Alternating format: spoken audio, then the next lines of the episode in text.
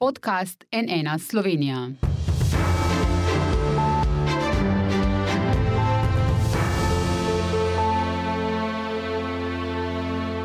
Dobr dan. To je na NNInfo.si finalno soočenje dveh strank, ki se bosta po vseh javnomnenjskih raziskavah v nedeljo borili za zmago. Gibanje Svoboda Roberta Goloba in SDS Janeza Janše. Brez kakršnih koli pojasnil, zakaj so sodelovanje v tem zaključnem soočenju na NNInfo.si odpovedali v stranki SDS. Zato tukaj ni ne njihovega predsednika, ne kogarkoli drugega iz te stranke. Čeprav so, kot je Janša na zaključni konvenciji v Medvodah rekel sam, razmerja tesna in se bo, citiram, SDS za glasove borila danes, jutri, pojutrišnjem, vse do zadnje preštete in preverjene glasovnice a očitno se za glasove vendarle ne borijo povsod, kjer bi se lahko. Robert Golop je obljubo, da pride v to soočenje držav, pozdravljam ga v Novi Gorici prek povezave, saj preboleva COVID. Dobrodan. Lepo zdrav, lepo zdrav iz Nove Gorice tudi vsem gledalkam in gledalcem. In kar prvo vprašanje, gospod Golob, Janez Janša v tej kampanji najprej na soočenja, ki pomembno vplivajo na voljivce, sploh ni hodil. Soočenje z vami je izjemno malo, pa ste njegov glavni izzivalec. Kako si to razlagate? Mislite, da je ocenil, da ste premočan nasprotnik in da bi tako njemu osebno kot stranki več soočen z vami prej škodilo kot koristilo? Ma, jaz mislim, da je njihova taktika, ki je bila zelo načrtna, se izkazala za napačno. Upam si trdi, da so imeli taktiko, da nam je najprej na nek način zmehčajo z takimi in drugačnimi uh, manipulacijami strani svojih podpredsednikov, potem pa ukoraka predsednik sam in dokonča delo kot na lep način, brez napadov, da se jim je taktika povsem izjelovila uh, in so zdaj na nek način bili prisiljeni uh, improvizirati na koncu. Uh, zato me ne čudi, da na marsikaterem soočanju manjka. Uh, Me pa tudi ne čudi to, da je na tistih soočenjih, na katere pride, v resnici zelo neprepričljiv. Ste doma v Novi Gorici, prebolevate COVID, v torek ste se menda tudi malo slabše počutili, kako ste zdaj in kje boste v nedeljo? Drži, na nek način prvi pozitiven test sem imel ponedeljek, tako torek je bil, da moram reči, višek bolezni, vse skupaj vseeno ni bilo tako hudo, pomaga, če imaš čas za počitek, kolikor se tekom kampanje da. Uh, v nedeljo bom pa uh, rezultate spremljal doma, uh, tudi volil bom po pošti. Uh mhm. -huh. Zdaj, ključna bitka na teh volitvah pravzaprav ni bitka za zmago, ta bo vaša ali pa Janševa. Ključno bo, kateri od vaju bo lahko sestavil koalicijo. Večkrat ste rekli, da si želite sestaviti močno vlado, vendar se SAP in LMŠ borita za vstop v parlament. Če ne boste mogli sestaviti močne vlade, kakšen je vaš plan B? Eh, strinjam se s to oceno. Eh, dejansko sta na nek način favorita na obeh polih znana. Eh, zato sami res stavimo na številčnost udeležbe, pozivamo ljudi, naj grejo voliti, ne nujno, še enkrat podarjam, ne nujno samo za gibanje Svoboda.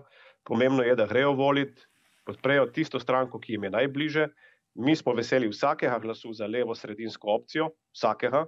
Uh, in jaz bom izkoristil priliko še enkrat, da ljudje pete na volitve, podprite tudi druge stranke, uh, iz Kula v tem primeru, zato da bomo lahko sestavili stabilno vlado. Plana B nočemo imeti, ker sem pripričan, da ga ne bomo potrebovali.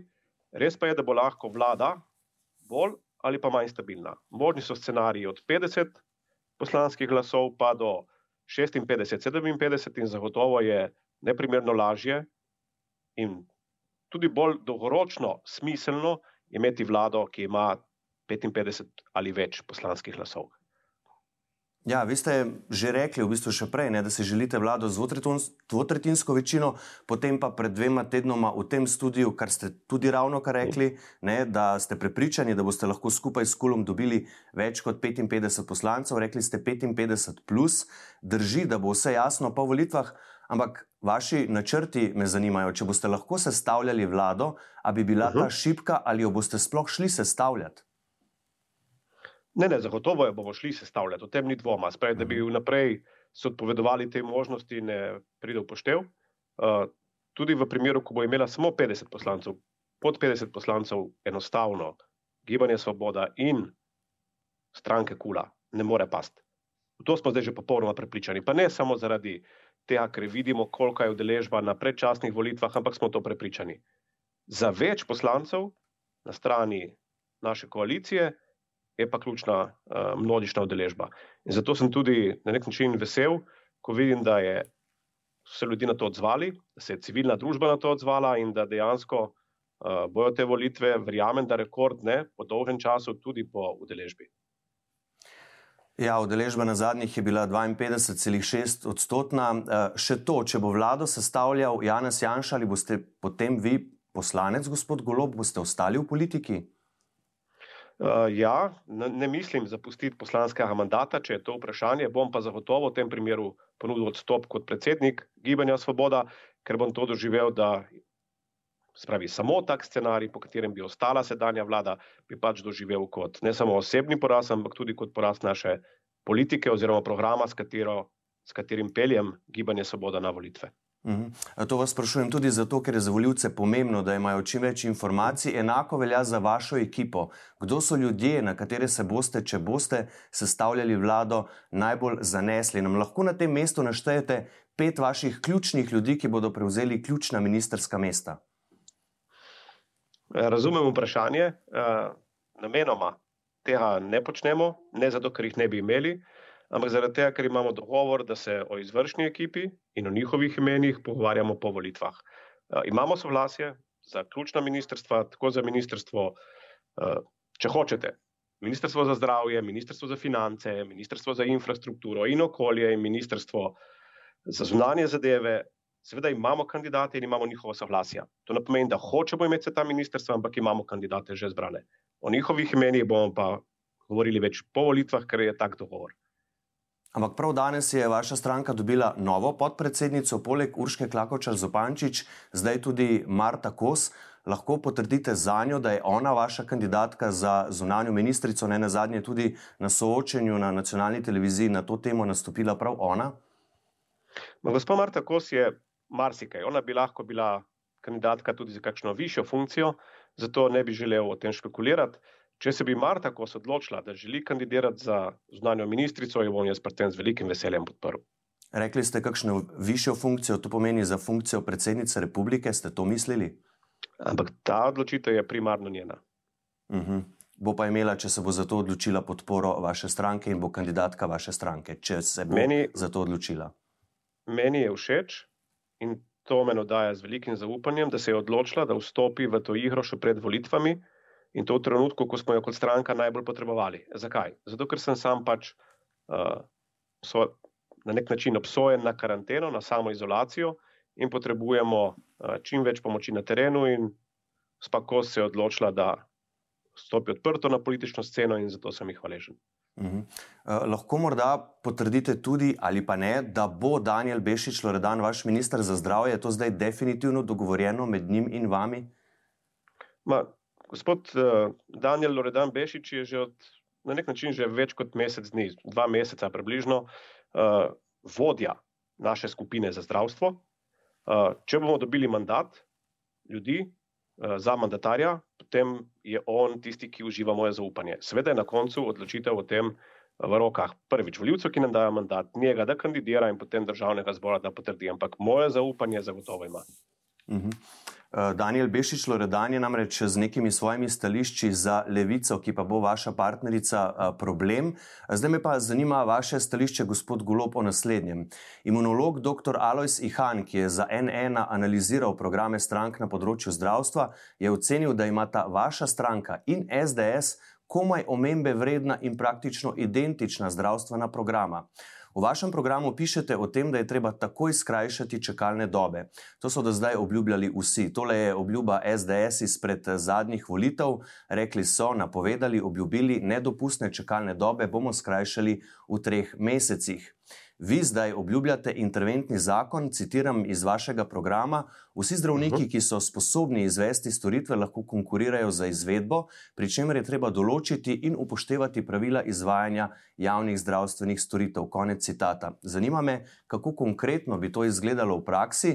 Namreč ravno danes na NN pišemo o tem, da projekt skrajševanja čakalnih dob poteka izjemno počasi. Poklicali so kar 31 tisoč ljudi na nov termin, pa naročili le dobrih. 3000 bolnikov. Problem so namreč neurejeni čakalni seznami, nepovezanost in nepreglednost sistema, programska oprema, zavodi ne sporočajo, koga so denimo že operirali, v resnici sploh ne vemo, kdo je na čakalnih seznamih, vlada popolna zmešnjava, tudi zaradi tega je težko zmanjševati čakalne dobe. Zato konkretno, kako mislite to organizacijsko uh -huh. izpeljati? Zdaj ste lepo risali ne naš program, zdaj ste lepo risali, kaj so obljubljali v SDS, preden so prišli na oblast, in kakšno je dejansko stanje zdaj, ko oblast, upam, da dokončno zapuščajo. Popoln fiasko. Vse se strinja z vami, vsi se strinjamo, cela država se strinja, da je politika SDS na področju zdravstva popoln fiasko. Na vsem, na celi črti so pogrnjeni. In zdaj me sprašujete, kako bomo lahko mi boljši? Slabši ne moremo biti, to je prvo. In ja, bomo bistveno boljši, konkretno na čakalnih vrstah. Zato, ker ne obljubljamo, ne mogoče, ne obljubljamo, da bomo rešili zadeve v treh mesecih. Ne, izpeljali bomo pa interventni zakon, ki bo v 18-mesečnem obdobju najprej reorganiziral in finančno okrepil javne zavode.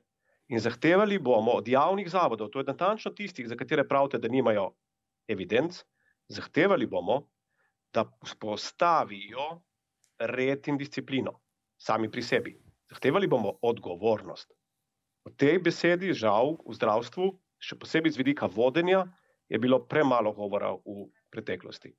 Spravi, dali bomo, namenili bomo denar in to bistveno več denarja, domirili bomo vse denar, ki bo potreben, zato da okrepimo javne zavode, da lahko svoje, svojo infrastrukturo, svoje prostore, svoje aparature in svoje zdravnike aktivirajo v popoldanskem času, ko je ta aparatura danes brez uporabe, aktivirajo svoje zdravnike, zato da začnejo izvajati dodatne storitve. In da te zdravnike ustrezno nagradijo. Nobene potrebe ni, da te isti zdravniki, ki vidijo, da je v svoji bolnici ostaja aparatura neizkoriščena, potem operirajo za isto storitev pri zasebnikih. Nobene potrebe ni potem, pa se to danes množično izvaja. Verjamemo, da s tem, ko bomo začeli uvajati odgovornost in sproščati te proste kapacitete v javnih zavodih, se bodo v 18 mesecih čakalne vrste dokončno odpravile. Ne enkratno, ampak dokončno, ker bomo s tem prišli do točke, da bomo ugotovili, kakšne so sploh kapacitete javnega sistema. Ampak najprej ga moramo reorganizirati zagotoviti dodaten denar in zahtevati odgovornost od tistih nosilcev, ki so uh, v javnem sistemu, ki so za to odgovorni. Vključno za javno zavarovalnico, ki bo morala izvajati nadzor nad tem, kaj se s tem dodatnim denarjem dejansko dogaja. No, uh, digitalizacija, informatizacija, digitalizacija, uh, odgovornosti in podobno. Ja, glede odgovornosti me zanima, ko ste -huh. rekli, ne? na kaj točno tu mislite? Čigava odgovornost? Glede, zelo enostavno je. Vse je bilo v medijih v zadnjem mesecu. Tukaj je bivši direktor zavarovalnice Fakin ugotavljal, da že v kliničnem centru, če se ne motim, obstajajo ortopedi, nekaj podobne. Mislim, da je ortopedi. Nekateri ortopedi, ki delajo trikrat več od svojih kolegov. To je sistem nadzora, ki ga moramo vzpostaviti. Vodstva morajo nadzirati, koliko posamezni zdravniki dejansko izvajajo posegov ne samo kdo še štemplja, pa v resnici dela vmes pri zasebniku. To je treba prekiniti s temi res goljufivimi praksami, sej niso dominantne, ampak se zažirajo v samo jedro in smislu javnega zdravstvenega sistema. In vodstva morajo dobiti pooblastila, tudi denar, ma hkrati prevzeti odgovornost, da s takimi deviantnimi pojavi obračunajo.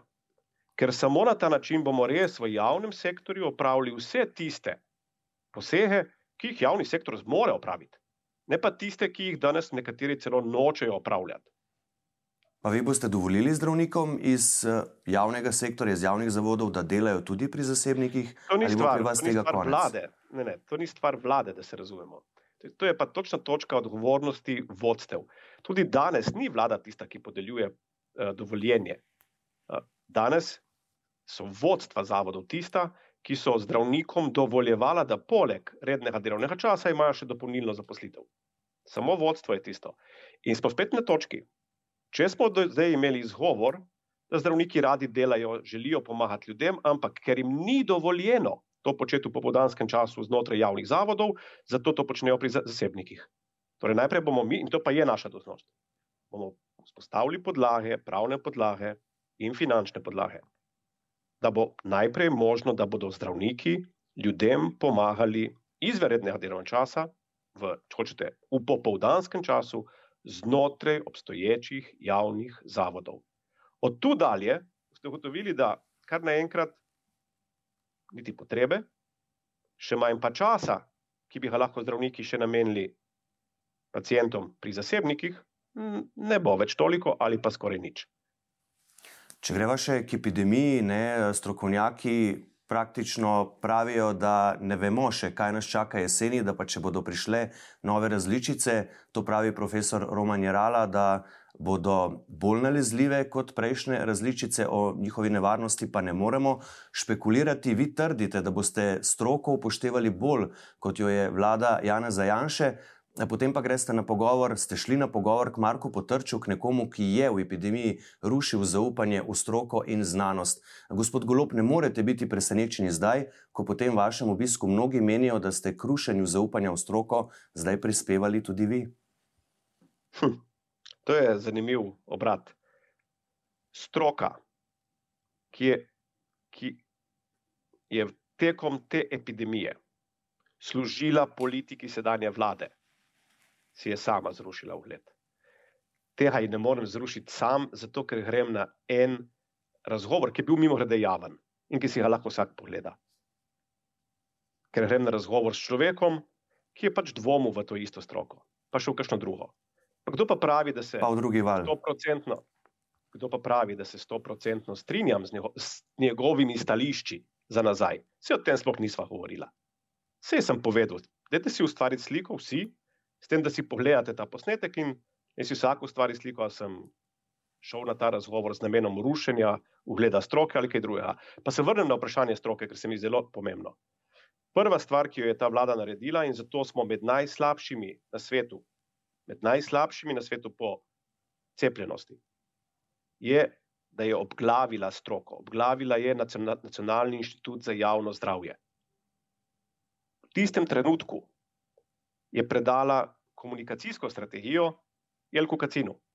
Rezultati so, kot sem rekel, taki, kot so.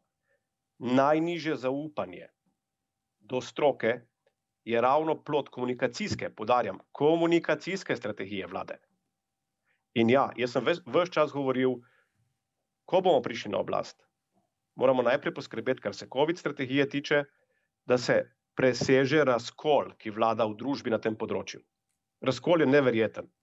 Uh, ta in, in čustva na tej točki so tudi od jeze, strahu, stisk na eni strani, uh, do, te, do zavračanja popolnega na drugi strani. Razkol na nobeni točki ni tako globok, kot je na točki odnosa do COVID-a.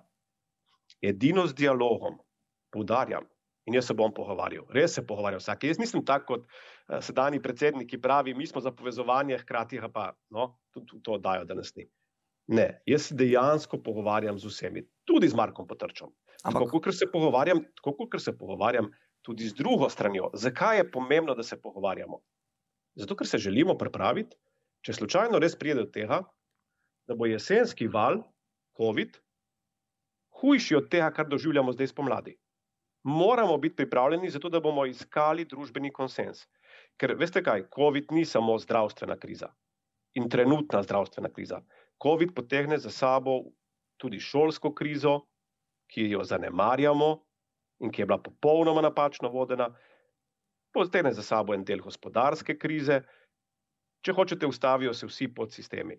Samo s konsenzom, z vsemi različnimi deležniki, lahko najdemo recept, kako naslednji val preiti na čim bolj normalen način. To je vse. Če mislite, da je pravi način, da se ne pogovarjamo s tistimi, ki ne delijo našega mnenja, potem smo pač na različnih brehovih. Ampak tu bom ustrajal za sporočilo, gre. Kakšno sporočilo s tem uh, pošiljate ljudem, ne? Uh, da ne bo potem jeseni, ko če se kaj takšnega zgodi, če se zgodi nov val, nova različica, ne vemo, potem okrnjeno zaupanje v tisto, kar bo predlagala stroka, tisto, kar bo na strokovnih temeljih predlagala stroka. Z, z katerega nivoja bi lahko moj pogovor s komorkoli vplival na mnenje stroke? Pri nas je mne, pri nas, na mnenje ljudi. Gibanju, v gibanju Svoboda je mnenje stroke popolnoma neodvisno od mojega pogleda. In ukrepe za COVID jeseni ne bom načrtoval jaz. Mhm. Ne, moja naloga bo, moja naloga bo, če bom mandatar, da bom ustvarjal družbeni konsens glede ukrepov, ki jih bo predlagala stroka. Miritev ljudi je moja naloga, ustvarjanje zaupanja med ljudmi je moja naloga takrat, če bo to potrebno. Če želim iskati skupni imenovalec med obemi tabori ali pa vsemi tabori, potem moram poznati njihova stališča za naprej, ne za nazaj. Jaz se ne res ne obremenjujem s preteklostjo.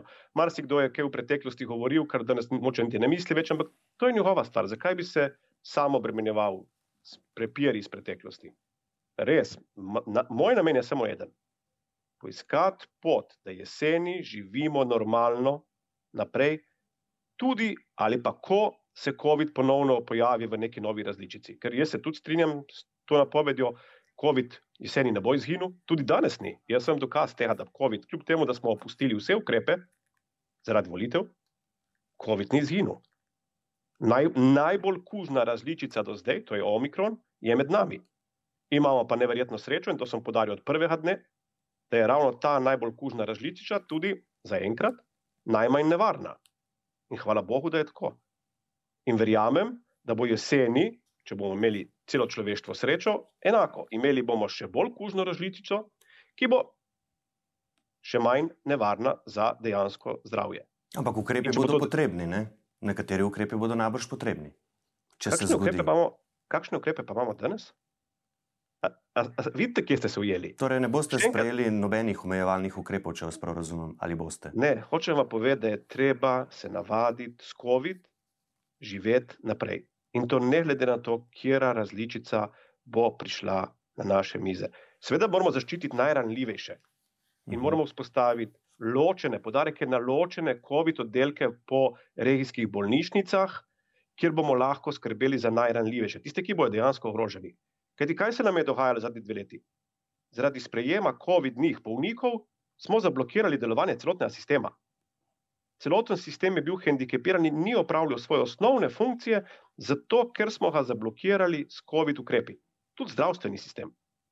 In to je tista, če hočete, varovalka, ki jo moramo vzpostaviti takoj čez poletje. Ne razumem, zakaj že do zdaj niso. Da, če pride do hujše, ali pa če pride do tega, da bomo imeli večje število ogroženih primerov, ne bodo ti primeri avtomatično in takoj zaustavili celotne družbe. Kaj pa boste naredili v šolah? Spet mislite, da sem jaz stroka za šolstvo? Odlično. Uh, ne, ne, če boste bo... predsednik vlade ne, in boste imeli pač ministra za izobraževanje ali ministrico. No, zdaj smo pa na točki. Uh, Sam sem povedal, kaj je naš ključni program. Šolstva med tem nisem naštel, nisem ga naštel, definitivno bom pa, bomo pa morali poskrbeti, da bomo ne glede na to, kdo bo minister za šolstvo, strani zdravstvene stroke imeli pravočasno, pravočasno usmeritve, kako ravnati. Sam ne verjamem, da so, ampak to je moje osebno mnenje in vem, da so mnenja v stroki deljena. Sam ne verjamem, da je nošenje mask v šoli med poukom kakorkoli uh, pozitivno vplivalo na prečevanje okužb, pač to ne verjamem. Uh, en, ena, en del stroke pravi tako, en del, en del drugače. Jaz verjamem tisti, tistemu delu, ki uh, pravi, da so bili ukrepi nezadostni, taki kot so bili in tudi nepotrebni. Z tega vidika si želim, da bi naslednje šolsko leto naši otroci, in to vsi, od najmlajših do študentov, končno imeli spet eno normalno šolsko leto. To je naš Uh, to je moj, če hočete, moja največja želja in ta cilj si bi želel, da bo zasledovala predvsem šolska stroka in se držala priporočil zdravstvene stroke. Dobro, Ampak gremo- šolska stroka se mora, tudi šolska stroka se mora na to pripraviti vnaprej in imeti vnaprej znana, jasna pravila. In če hočete, tudi če bo kandidat za ministra ali ministrico za šolstvo nekdo, ki ne bo iz našega gibanja, ja, ključni pogoj bo za našo podporo, ali bo imel ta načrt. Ker kandidat za ministra za šolstvo, ki ne bo imel načrta, kako se soočiti z novim valom COVID, jeseni ne bo dobil naše podpore. Dobro, greva naprej. Eh, V tem tednu smo na soočenju veliko govorili tudi o okolju, o podnebnih spremembah. To je pomemben del programa in usmeritve vaše stranke. Zato bi imel eno vprašanje na to temo tudi za vas. In sicer je to vprašanje, ki ga zastavljajo znanstveniki Žiga Zaplotnik, Lina Bolka, Blaž Gasparini in Aljoša Slameršak. S točno katerimi ukrepi boste črpali sredstva podnebnega sklada v letu 2022? Še do nedavnega so bila ta sredstva povsem nedotaknjena. No, jaz se bojim, da vprašanje je sicer dobro za leto 2023, ker se bojim, da je podnebni sklad za leto 2022 počrpan. Uh, Kdor je spremljal ukrepe vlade v zadnjih tednih, je lahko slišal ministra Počivalška, pa ministra Vrtovca, da so sredstva iz podnebnega sklada počrpali. Za energetske voucherje. Da. Da, in za podporo uh, energetsko intenzivni industriji. Tako. Kar je sicer v nasprotju z osnovnim namenom podnebnega sklada, ampak čeprav razumem, je ta denar uh, šel kamorkoli že. Tako da žal na to vprašanje, razen da rečem, da ko bo vlada formirana, recimo nekje ne vem, julija, avgusta, se bojim, da bo podnebni sklad uh, bolj ali manj prazen za leto 2022. Bomo No. pa pripravili seveda načrt za naprej. Uh, in je podnebni sklad je lahko zelo dober vir uh, sofinanciranja. Eh, Sam bi ga uporabil maksimalno za podporo gospodinstvom, se pravi fizičnim osebam, ker verjamem, da zaradi vseh šokov, cenovnih in podnebnih, moramo najprej, najprej ojačati gospodinstva in njih narediti energetsko učinkovite, v primeru varčne tudi, in predvsem narediti energetsko samozadostne. Eh, In tem ukrepom bi namenil največ eh, sredstev iz podnebnega sklada. Da. Torej tudi za energetsko sanacijo stavb, če prav razumem. Da, najprej učinkovitost, se to poudarjam. Najprej učinkovitost, potem elektrifikacija uh, in po elektrifikaciji samozadostnost. Dobro, uh, naprej. Predvsej neverjetna pa se sliši razlaga, da so vam ukradli identiteto in da račun na Raiffeisen banki v Bukarešti ni bil vaš. Tukaj je nekaj dvomov zato, ker je bančni trg v Evropski uniji res strogo reguliran in bančnega računa ni mogoče odpreti, ne da bi banka tistega, ki ga odpira, res natančno preverila. Dati je treba kup dokazil, podatkov in izjav, se priti tudi osebno identificirati. Poleg tega je Raiffeisen banka v Bukarešti streljaj od podružnice Genija v romunski prestolnici in vi kraje identitete, ki je kaznivo dejanje, še vedno niste prijavili policiji. Zakaj ne, če ustrajate, da so vam ukradli in zlorabili identiteto in da ta račun ni vaš? Uh -huh. to, vse to, kar ste povedali, sem, se tudi jaz, sem tudi jaz verjel, da je to nemogoče. Pa vseeno, uh, zgodba je malo daljša, ampak je zanimiva. Uh, ko sem se odločil, da bom šel v politiko, sem rekel čisto preventivno. Uh, obrnil sem se na FURS pisno in sem rekel, prosim, dajte mi potrdilo, da nimam nobenega računa v tujini, ker ga sam nikoli nisem odpiral v tujini. Uh, na kar brez FURSA, to je bilo decembra lani, obvestijo, da, no, gospod Galop, imate račun v Romuniji. Sicer na njemu nikoli niste imeli nobenega stanja, pravi, račun ni bil uporabljen, ampak ga imate. No, potem smo se obrnili na banko. Banka ni želela komunicirati nadaljavo z mano, tle imate prav. So rekli, ali fizično ali nič. No, v Romunijo nisem hodil, sem pa oblastil notarsko, ker so tako zahtevali odvetnike. In odvetniki so poslali 22. decembra, tik pred Božičem, na to banko dopis in so rekli, dajte nam, prosim, uh, pojasnilo o tem računu. Veste, kaj je bil odgovor? 10. januarja, takoj po praznikih, smo dobili odgovor, da je banka račun sama zaprla, ni hotela sprejeti odvetnikov, niti dati pojasnil. Sama ga je zaprla zaradi neaktivnosti.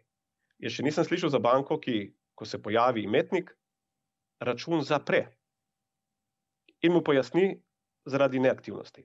No, ampak to še ni konec. Potem najprej smo debelo gledali, se to ni možno, in od, ja, od februarja, 2. februar naprej, tudi to imam pisno, poteka komunikacija mojih odvetnikov, kjer banko sprašuje vsake 14 dni, dajte nam pojasnilo, kdo je odprl račun, katere dokumente je predložil in podobno.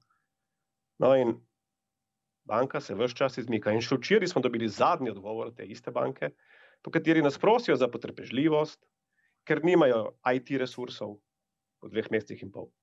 Nimajo IT resursov, ker hranijo arhiv pri ne vem kje in podobno. Skratka, da, zadeva je res skrajno nenavadna. In sam sem prišel do vsega tega čisto po naključju, ker sem se podal v politiko in sem hotel imeti potrdilo, da nimam računa. In Furs vas je seznanil s tem, da imate račun v tujini. Furs me je sestavil. Furs me je prvič sestavil, da je dobil te, po svojih teh izmenjavah v letu 2018 je dobil podatek, da sem 2017 odprl ta račun.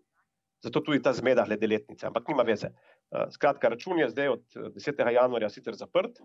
Zaprt je bil uradno z zneskom, seveda nula, iz, zaradi neaktivnosti uh, in na računu, mimo grede, in na izpisku banke je napačen naslov. Naslov, ki ga banka navaja, in to je Strada 72 Kromberg, nikjer v Sloveniji ne obstaja. Ampak zakaj Ampak, tega niste prijavili policiji, še vedno, ko gre za kaznivo dejanje? Zato, zato, ker je policija sama povedala, nimate dokazov, da je kaj narobe, dokler ne dobite dokončnih odgovorov od banke. Ustrajajte in mi ustrajamo. In bomo ustrajali. Raiffeisen se tej točki, na tej zgodbi ne more izmakniti. Bomo ustrajali. In to uradno ustrajamo, da dobimo od banke vsa pojasnila, kdo je ta račun odprl, s katerimi dokumenti ga je odprl in kdo je za to odgovoren. Jaz sicer mislim, da je šlo za kakšno tako zgodbo, kot je bila včasih v Ameriki, ta Wells Fargo, uh, ko so odpirali račune na slepo, uh, s tem, da so pobirali podatke z interneta ali kakorkoli. Ampak bomo videli počakajmo na banko. Ne. Torej, gospod Golob, če banka ne bo dala teh podatkov, ki jih vi zdaj zahtevate, boste banko tožili? Zagotovo, o tem sploh ni dvoma. Tožili jo bomo do vseh inštanc, zaradi tega, ker gre očitno za zlorabo vseh pravil bančnega poslovanja.